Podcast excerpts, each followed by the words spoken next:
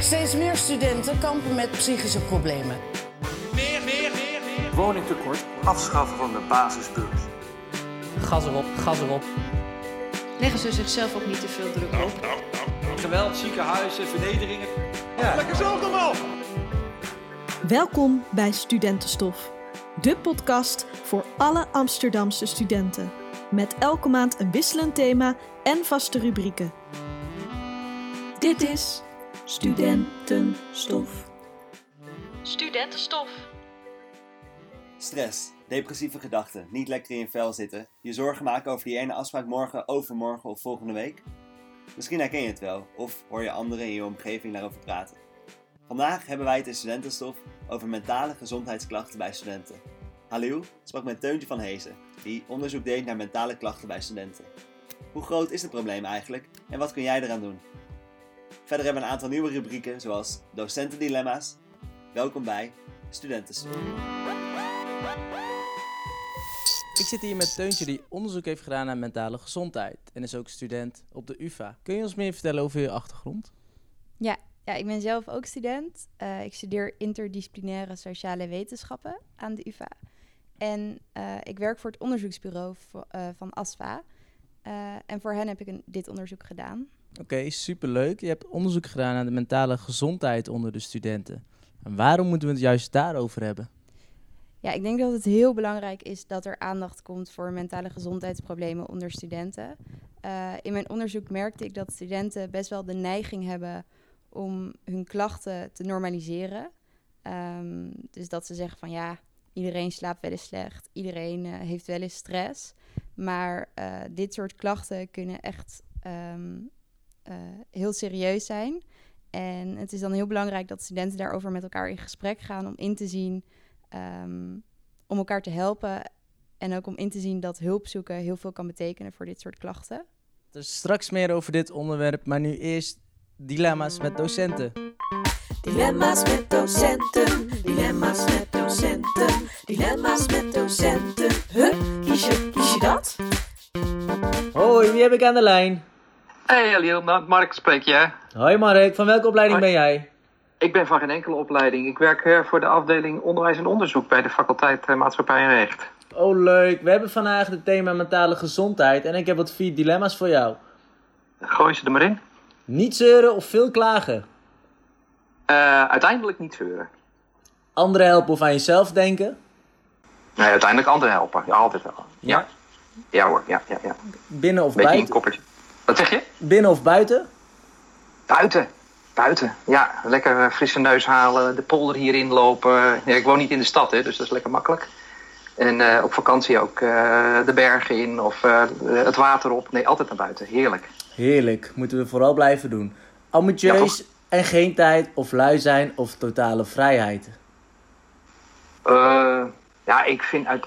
Ik ben zelf niet ontzettend ambitieus, maar een beetje ambitieus kan geen kwaad. Eh, het is wel handig als je iets wil. Dat, eh, dat eh, wens ik eigenlijk iedereen wel toe.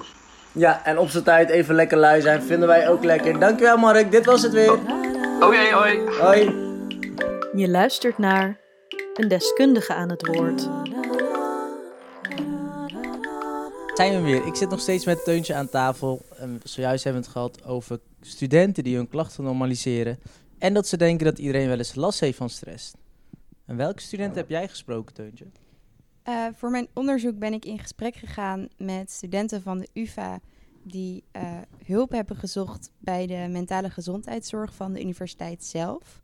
Mhm. Ehm, en hierbij heb ik het vooral gehad over de beginfase van dat zoekproces. Dus ehm, wanneer studenten klachten hebben gesignaleerd bij zichzelf en hoe ze dan verder gaan, eh, hoe ze dan verder hulp gaan zoeken. Eh, ja, en vertel ons dan meer over. Hoe begint dat proces? Hoe... Ja, ik merkte dat heel veel studenten of via via ehm, op de hoogte werden gesteld dat er bijvoorbeeld een studentenpsycholoog is. Of eh, dat ze hier naartoe doorverwezen werden van hun, door een studieadviseur. Mhm. Ehm, maar wat ik ook merkte was dat studenten, ehm, nou ja, goed, ze hebben last van mentale gezondheidsproblematiek. Dus op dat moment zijn ze eigenlijk in een best wel kwetsbare staat. En best wel onzeker zijn ze dan. En als ze dan op, bijvoorbeeld op de website van de UvA de omschrijving gaan lezen die eh, staat bij de studentenpsycholoog, hebben ze heel erg de neiging eh, om daar perfect in die beschrijving te willen passen.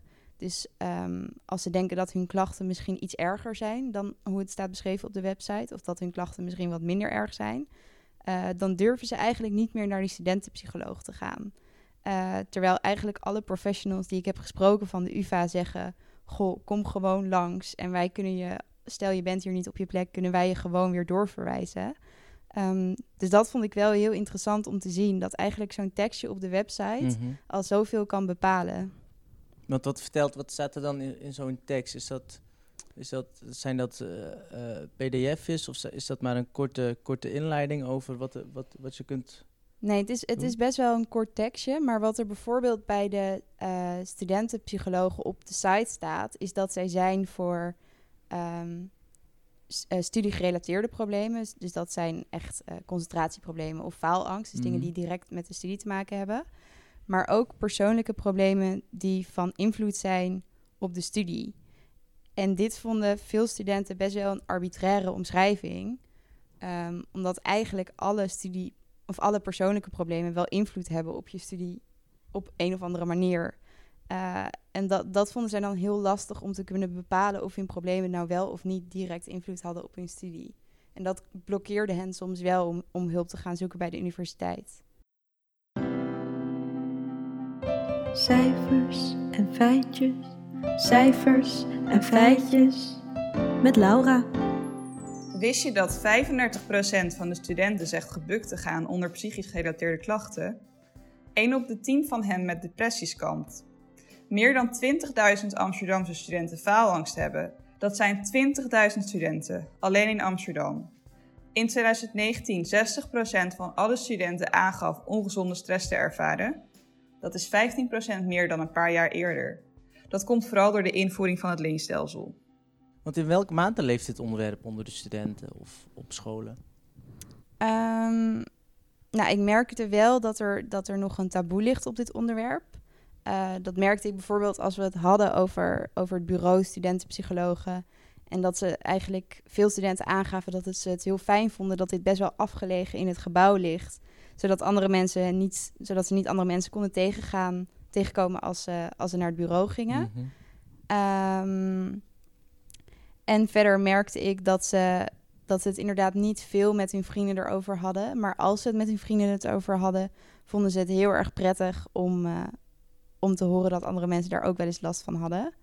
Um, en wat ik van professionals begreep, uh, is dat er met dat er vooral onder internationale studenten uh, uit bepaalde landen, um, dat zij gewoon niet goed op de hoogte zijn van het feit dat je bij je universiteit dit soort hulp kan krijgen. -hmm. Um, terwijl dit wel studenten zijn die vaak uh, te maken hebben met problemen zoals eenzaamheid of stress. Wat zou dan de volgende stap kunnen zijn als, als het voor een student te veel wordt? Bedoel je dan waar ze, waar ze hulp kunnen zoeken verder nog? Ja, is, is dan de volgende stap de huisarts? Of? Ja, nou ja, goed. De, de UvA is net, of de universiteit of de hogeschool is natuurlijk geen zorginstelling. Mm -hmm. Dus hoe graag zij ook heel veel hulp willen bieden aan hun studenten, er zitten gewoon grenzen aan. En dat heeft niet per se te maken met het feit dat ze dat niet willen. Maar dat heeft ook gewoon te maken met het feit dat zij bijvoorbeeld geen 24 uur hulp aan kunnen bieden. Dus stel, er komt iemand met een heel heftig probleem. Um, en er gebeurt iets acuuts, dan kunnen zij er niet direct op ingrijpen. En daarom uh, is er bijvoorbeeld ook het bureau studentenhuisartsen, waar je met wat heftigere problemen naartoe kon. Maar je kan natuurlijk ook gewoon altijd naar je eigen huisarts gaan Mhm. met mentale gezondheidsproblematiek. Dus je hebt nou onderzoek gedaan op de, op de UvA. Is er ondertussen al wat veranderd? Ja, nou wat, wat mij heel erg opviel tijdens mijn onderzoek is dat eigenlijk mentale gezondheidsproblematiek heel, iets heel erg persoonlijks is. En de hulp die mensen daarbij prettig vinden is dus ook heel erg persoonlijk. Dus sommige mensen vinden het heel fijn om in een groep hun problemen te bespreken. Maar andere mensen vinden het ook weer fijn om een één op één gesprek te hebben. En um, volgens mij ziet de UvA dit ook heel goed in. Want zij zijn sinds kort gekomen met e-health. Dus dat zijn eigenlijk een soort vragenlijsten waardoor je problemen worden gesignaleerd. En vervolgens kan je een soort online interventie doen. En dat is bijvoorbeeld heel prettig voor mensen die het fijn vinden om uh, hun problemen te beschrijven. En uh, in plaats van dat ze er liever over, dat ze erover praten. Ehm, dus hiermee is er eigenlijk een soort nieuw soort hulp voor een nieuwe groep gekomen. Ehm, en het zorgt er ook voor, voor een stukje awareness. Mhm. Want iedereen krijgt eigenlijk een soort vragenlijst. eh, met vragen over mentale gezondheid. Waardoor mensen wel gaan nadenken van... goh, heb ik hier eigenlijk wel eens last van? En is het nog wel normaal dat ik zoveel stress ervaar door mijn studie? Eh, dus ik denk dat dat een hele positieve verandering is. En verder komt er sinds kort een eh, psycholoog op iedere campus van de UvA. En dit zorgt ervoor dat de kennis beter kan worden uitgewisseld... en dat de drempel lager wordt voor studenten om, eh, om naar de studentpsycholoog te gaan. Heb je ook al wat, eh, wat gezien over de HVA? Is, is de HVA hier ook al mee bezig?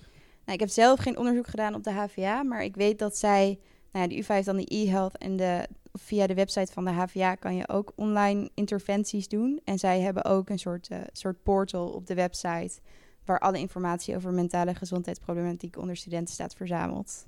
Dat is goed om te horen. Wil jij meer weten over dit onderwerp? Check de show notes. Ik wil graag Teuntje bedanken en eh, heel veel succes verder. Dankjewel. Even mijn agenda bijpakken hoor. Ah, hier heb ik hem. Wat staat er op de agenda? Wat is er te doen? Wat staat er op de agenda? Langzaam en zeker de wereld weer op gang komt, staan de eerste activiteiten voor studenten weer op de planning. Zo organiseert ASFA op 26 september de Amsterdamse Bestuurderdag. Zit jij volgend jaar bij een bestuur van een studie- of studentenvereniging? Meld je dan nu aan voor een middag vol trainingen en kennismaking. Ook kun je nu aanmelden voor de scriptieprijs. De prijs is bestemd voor bijna afgestudeerde studenten aan de masteropleiding van een Nederlandse hogeschool of universiteit die een scriptie hebben geschreven over een onderwerp dat betrekking heeft op vakbewegingen. Elk winnaar van de scriptieprijs 2020 ontvangt een geldprijs van maximaal 1000 euro. Wil je nou meer weten? Kijk op www.deburg.nl. Oké, hallo. Beschrijf de podcast in drie woorden. Fucking vet. En jij? Ja, ik vond jouw gesprek met Teuntje heel tof. En ik zou tegen alle studenten die nu luisteren willen zeggen... Het is echt niet erg om hulp te zoeken als je het nodig hebt.